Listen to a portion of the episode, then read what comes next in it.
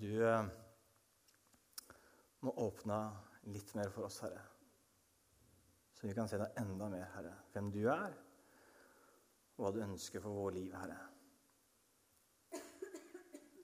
Ber om det. I Jesu navn. Amen.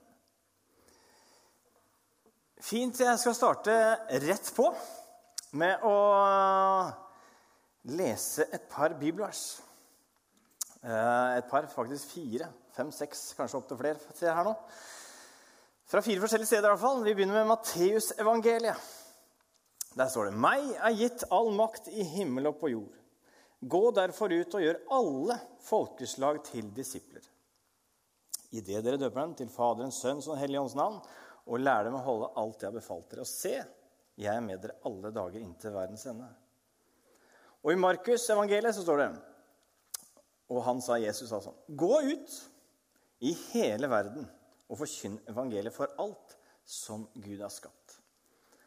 Og i Lukas, og han fortsetter å si til dem Slik står det skrevet. Messias skal lide og stå opp fra de døde tredje dag. Og i hans navn skal omvendelse og tilgivelse for syndene forkynnes for alle folkeslag. Dere skal begynne i Jerusalem. Dere er vitner om dette. Og i Johannes evangeliet der står det Som Far har sendt meg, sender jeg dere. Jesus han gikk jo fysisk rundt på jorda her for 2000 år siden. Og Da kan vi lese om hva han gjorde og sa. Det kan vi lese om i evangeliene.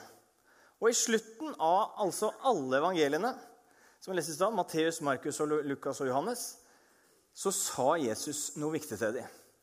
Han sa, 'Jeg sender dere ut som vitner til å dele de gode nyhetene om evangeliet.' Dere skal få lov til å dele det dere har sett og hørt og lest.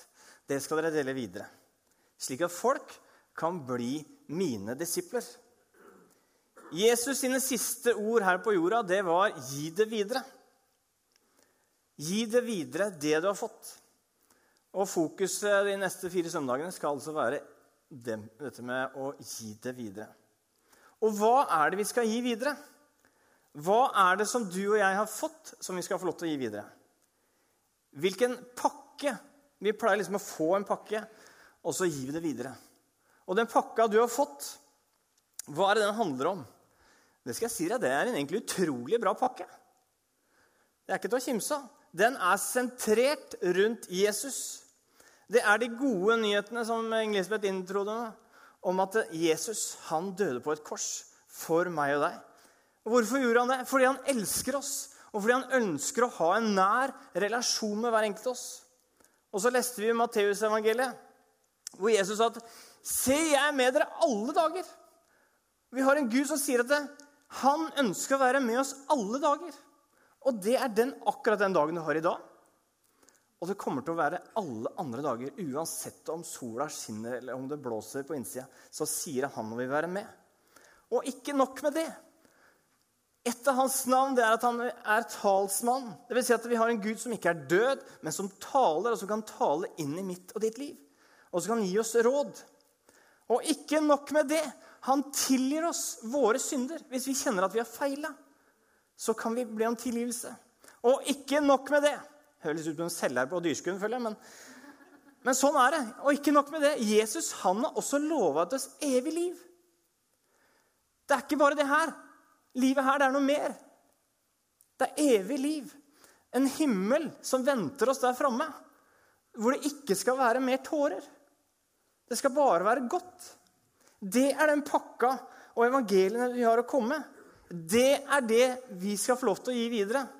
Og Paulus han skriver, som jeg vil da være helt enig i For han skriver i romerbrevet til menigheten i Roma skriver han, For jeg skamma ikke over evangeliet. Og jeg tenker den pakka der, så klarer jeg ikke å skamme over det. Det er jo bare godt.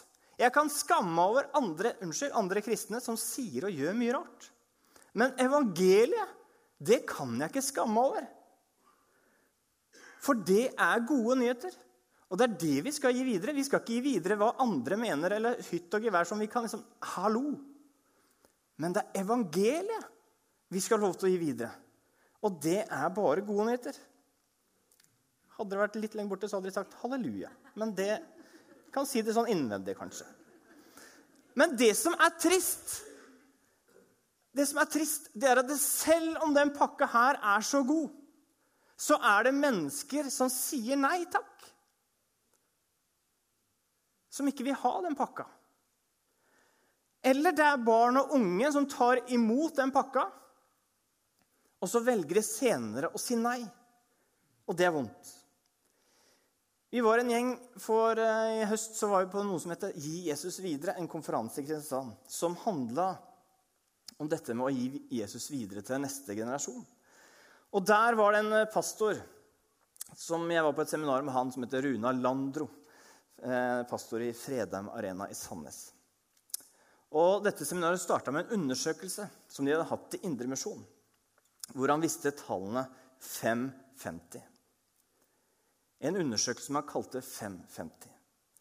Som visste at det bare 5% av de som kommer fra en ikke-kristen familie, blir bevart i troen.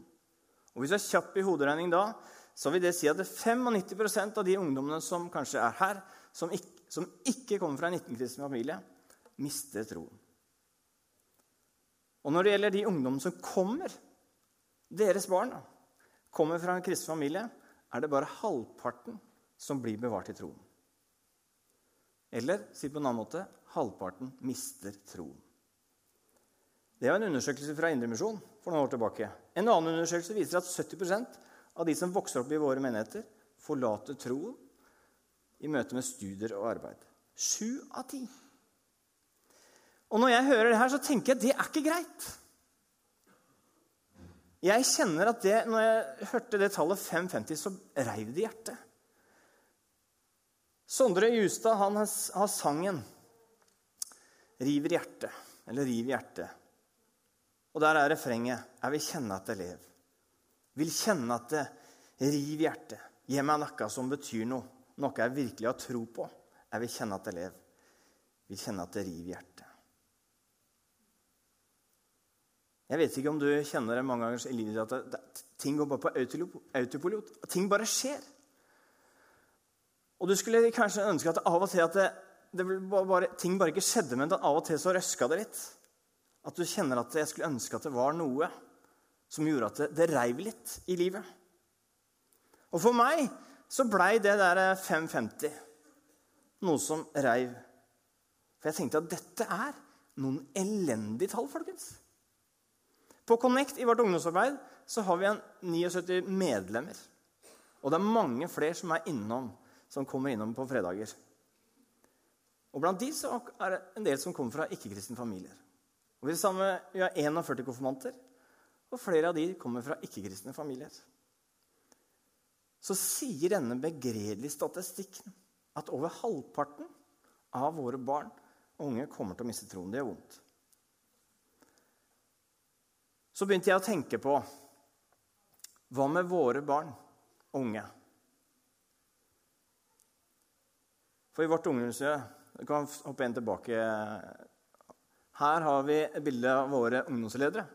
En flott gjeng som tok vi bilde på medarbeiderdagen.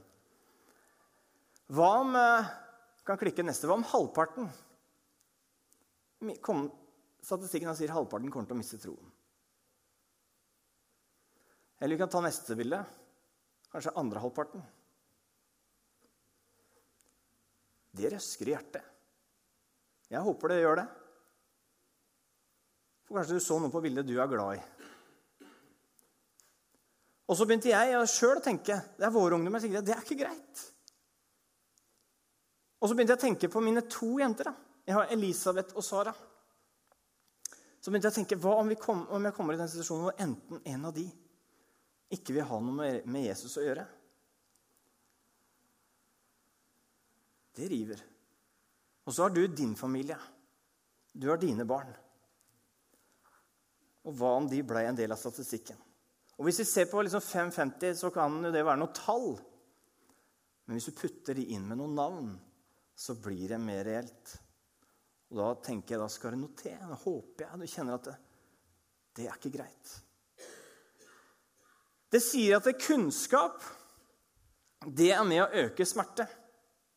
Hvis ikke du vet noe, så får du ikke gjort noe med det. Sånn er det. Men i dag har jeg sluppet en liten bombe da, kanskje til deg.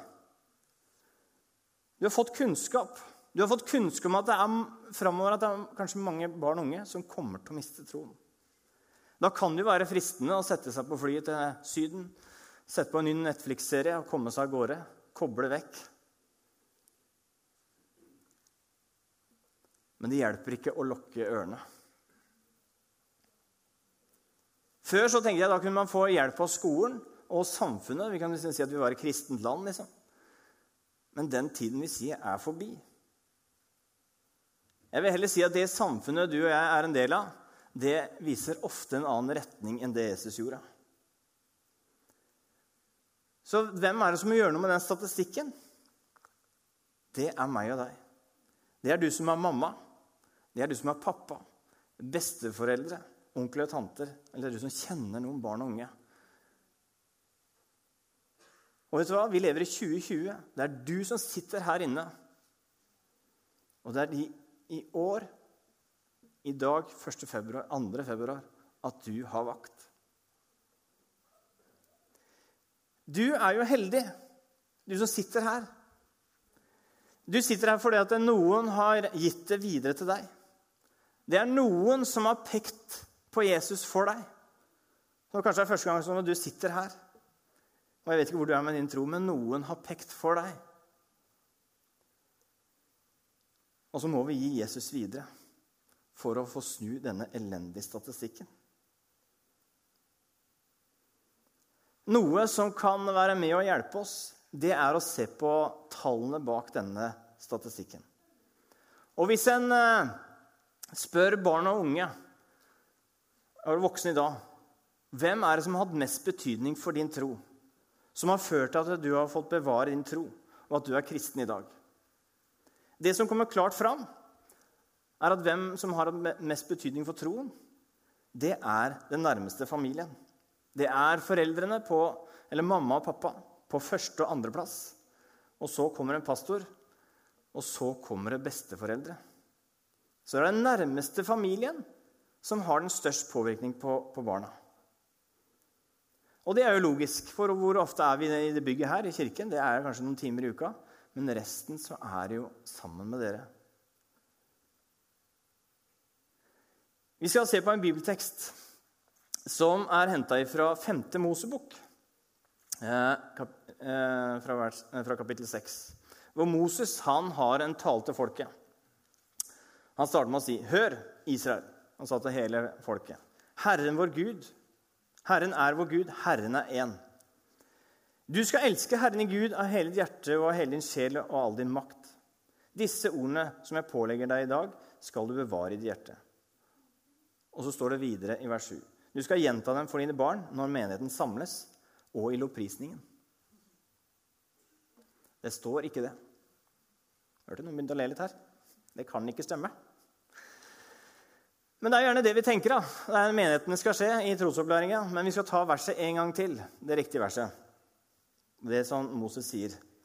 Det kan jo være greit å sjekke på Bibelen sjøl eller uh, ha i bibelappen, eller hva du vil, men det riktige er hvor Moses sier Du skal gjenta dem for dine barn og snakke om dem når du sitter i ditt hus, og når du går på veien, når du legger deg, og når du står opp, sier Moses. Moses han var leder for hele israelfolket, som også er en del av vår historie. Og Moses han hadde skjønt at eh, skulle det gode budskapet om Gud gis videre, så måtte familien på banen. For det er jo ikke Moses eller det er jo ikke pastoren eller vi pastorer som er til stede gjennom uka til barna dine. Det hadde jo kanskje vært greit å ha en pastor som kom tidlig om morgenen før barna sto opp og satt på sengekanten og ga dem en morgenandakt mens du kunne sove litt ekstra. Liksom. Det hadde vært veldig fint. Men nå står ikke det i min arbeidsbeskrivelse. for å si det sånn. Og jeg tror ikke det, kom, det kan hende det kommer til å komme igjen. Det er krise. Så da kommer jeg hjem til dere da, halv sju. Nei da. Så ut ifra Bibels prinsipp, da, hva Moses sier, så gav han oppdraget. Han skjønte at han må ha familien på banen. Han kunne stå og snakke til liksom hele Israelfolket innimellom. Men han skjønte at det skal vi få det til, så må vi ha familien på banen. Og det er ikke noe nytt. Og samtidig, for å legge litt mer press på dere, så sier også undersøkelsen da, at det er dere som har mest påvirkning. Og når Moses da sa dette, så var han ganske praktisk i oppgavebeskrivelsen. Vi skal få opp vers 7 igjen. Der står det Du skal gjenta dem for dine barn og snakke om dem når du sitter i ditt hus, og når du går på veien, når du legger deg, og når du står opp. Han sier 'i ditt hus'. Han sier at når du er hjemme, så skal du snakke om Jesus. Så kan du gi Jesus videre. Det er jo hjemme vi er mest. Det er hjemme som er på en måte vår base. Vi følger det kanskje på barnehage, skole etc. aktiviteter, og så er vi rundt oss og skjer. Men hvor er vi som regel mest? Jo, det er hjemme.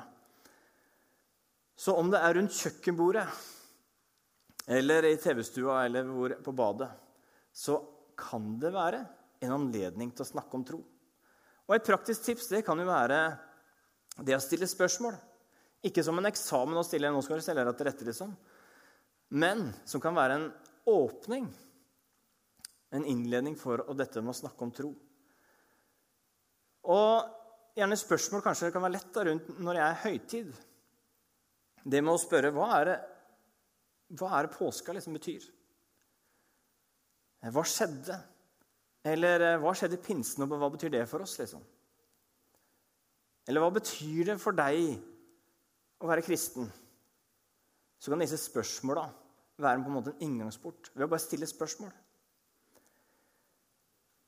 Så sier han også du skal gjenta det for dine barn. Snakk om det når du sitter i ditt hus, og når du går på veien. Vi er jo ikke bare inne, vi er også ute. Og vi er forskjellige. Noen er mer glad på tur enn andre. Eh, en av jentene mine sier nå tre år, en av de første turene, så sa 'ut på tur, alltid sur'. Så noen er mer glad i tur enn andre. Men, men vi beveger oss. Vi er liksom utafor. Vi finner på ting sammen. Om vi går på tur, eller om vi kjører bil, så beveger vi oss liksom fra A til B. Og jeg vil si at eh, Bil er en veldig fin ting til å snakke om tro. Eh, og Hører man på lovsang, da, så kan vi jo snakke om det. Hva er det, hva er det egentlig synger om her? Eller hva er det vi synger om nå? Eller man kan be en bønn for dagen. Og det man kanskje deler noe man er opptatt av. Om det er en enkel popkornbønn, som det kalles. Bare si en setning hver. Nå er det snart vinterferie. Kanskje noen skal på en lengre tur. Og Da kan det være en god anledning til å sette på Nå setter vi på en andakt, eller høre på Øystein og Chris, eller Og Har du fått litt større ungdommer, så kan du spørre hva er det, hva er det som er utfordrende med å være kristen i dag. Hva utfordrer deg? Eller man kan ta en runde i bilen og framsnakke Jesus. Har du prøvd det? Det er veldig fint. Alle sier en positiv ting om Jesus. Så er du på en reise da, utafor hjemmet, så er det en god anledning til å snakke om tro. Og så sier han 'når du legger deg'. Og jeg tenker at eh, Når man har små barn og sitter ved sengekanten Jeg vet ikke hvordan det er å ha litt større barn, og populært er da, men i hvert fall når du har mindre barn, og muligheten til å sitte på sengekanten, så er det en veldig god arena til å snakke om tro. Da er i senga, de vil, men de vil jo egentlig ikke sove. De vil jo ikke være der. Egentlig den beste måten Da, er jo, da kan man snakke. Da sitter de kanskje litt løst. Men da hører jeg hvordan går det Og hvis det da kommer opp noe så vanskelig, så be over det, og snakk om det. Og hvis det er noe bra, så takk, liksom. Eller det å ha en andagsbok. Eller lese noe i Bibelen. Og så sier han når du legger deg, eller når du står opp. Og Jeg vet ikke åssen det var med israelfolket, og hektiske de hadde om morgenen, men jeg vet ikke, jeg ser ikke for meg det var så hektisk med oss at de skulle rekke skole og alt det greiene der. Eh, for vi har eh, Jeg telte i går, og vi har faktisk fire andagsbøker som ligger på, på spisebordet. Men det er unntak om morgenen. altså. For om morgenen så er det mer 'spis! Drikk opp maten din! Pust tenna, kom deg av gårde! Fort deg! Få ræva i liksom. Kom av gårde! Det er sjelden vi rekker å lese om morgenen, for å si det sånn. Da hadde det passa fint at Martin hadde kommet hjem. Kanskje det er fint å gjøre. Men det handler også om morgenen, selv om jeg ikke alltid har tid til en andagsstund. Men det å be en bønn for dagen, bare si 'Gud velsigne deg' på veien ut, liksom. Eller 'Jeg skal huske på å be for deg da'. Jeg tror det handler litt om å fokus. Moses han starta med å si 'Du skal gjenta dem'. Og det handler ikke om bare hver gang det er eh, innimellom. liksom. Skuddår. Det har vi jo i år. Men eh, det handler om å finne en rytme. Få inn en vane. At det blir noe som er ekte og troverdig. At noe blir en del av livet, at det ikke bare blir av troen vår. At ikke det bare er her på søndager. Men at den blir en del av livet. Et pulsslag, som vi snakka om i stad. Eller som vi sang om.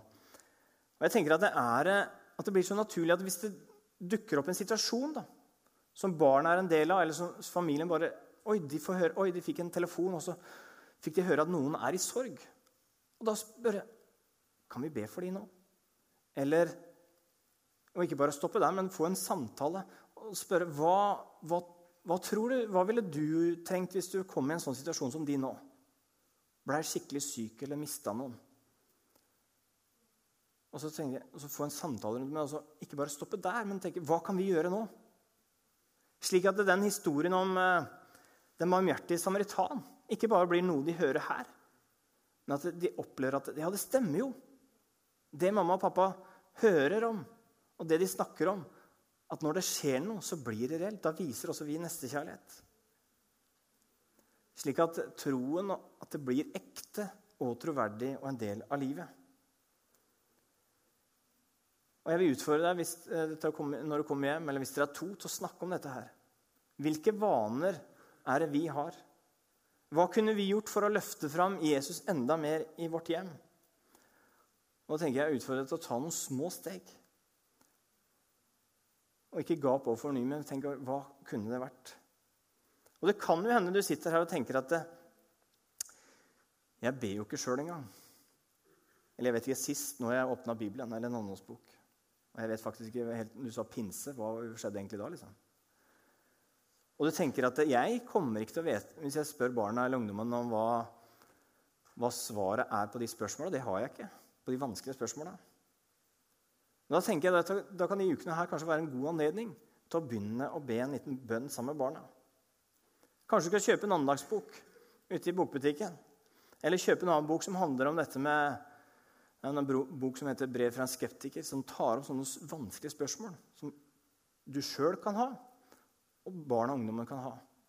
Og da snakke om dette her. Og så vil jeg si til deg senk skuldrene. Slapp av. Og kan du ikke svare på alle spørsmåla, så vær ærlig med det. Elisabeth spurte meg, og jeg, jeg må si vet du hva, Akkurat det vet jeg ikke, men vi kan sjekke ut. Så kan vi lese litt om det. For jeg tror det handler om at vi må våge å være ærlige med vår tro at din tro den, den tåler spørsmål. Og den tåler litt tid. At vet du hva, dette kan vi finne ut av. Vær ærlig med din tro selv om troen, eller selv om i din hektiske hverdag. Da, og du møter tro nei, og tvil og alt det som kommer med, så kan du si at selv om jeg har det og det, så velger jeg likevel å holde fast på Jesus. Og det tror jeg spesielt unge da trenger å erfare at det er noe ekte og troverdig. Så ut ifra din kontekst, ut ifra din tro, ut ifra det du har fått, om det er lite du har fått, eller et eller annet med Gud, så er utfordringen til alle oss om å gi det videre. Når jeg, hørte, når jeg kjente at det reiv i hjertet i november så, så har det ikke skjedd at jeg har eh, stått opp en time tidligere og har morgenandakt. Men det har ført til en bevisstgjøring om at jeg ønsker å være mer til stede. Og peke, prøve å peke på Jesus i de situasjonene som ligger til rette. Og så kan det hende du sitter her og kjenner at du er litt irritert på meg. Eller du sitter her og kjenner at Vet du hva, Torbjørn? Jeg, vi Hjemme hos oss så prøvde vi dette mandagsstunder. Vi prøvde å be. Det har ført til kanskje at den ene går inn i kirka innimellom, og den andre er så vidt innom på julaften. Og det skjønner jeg vondt. For når det gjelder dette med å komme til tro og bevare troen, så er det ikke noe fasit. Men det som er sikkert, det er at det er mange veier til Gud og mange veier tilbake til Gud. Jeg har ikke vært i deres sko, dere som kan kjenne på det. Men jeg vil si at folk er underveis. Og så må vi ikke gi opp. For Jesus, han er så utrolig god. Og Jesus, han har god tid. Han banker. Jeg har tro på en Gud som banker. Han vil fortsette å banke. Og han venter på folk. Som med faren til eh, den bortkomne sønnen, så sto Jesus eller så sto faren og venta. Og jeg tror Jesus han venter på våre, som vi er glad i. Og så har du ditt liv. Og så skal du få lov til å gi Jesus videre fra der du er. Og hvordan det er, det er opp til meg og deg. Skal vi be litt?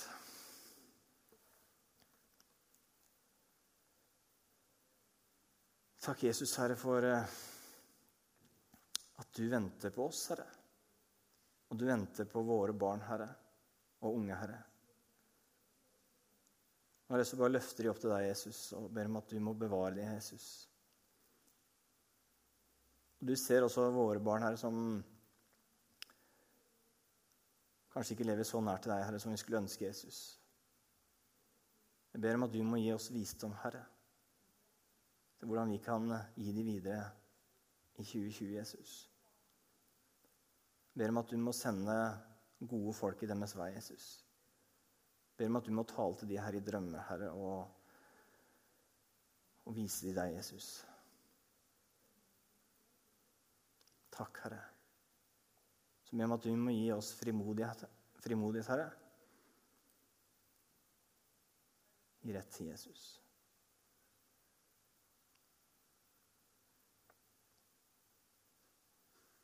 Kom, Herre. Vi trenger deg. Vi trenger deg at du hjelper oss å snu denne elendige statistikken. Du må hjelpe oss å ikke få harde hjerter, men hjerter som, har, som lever nært deg. Og hjerter som ser barn og unge med dine øyne, Jesus. Hjelp oss til det.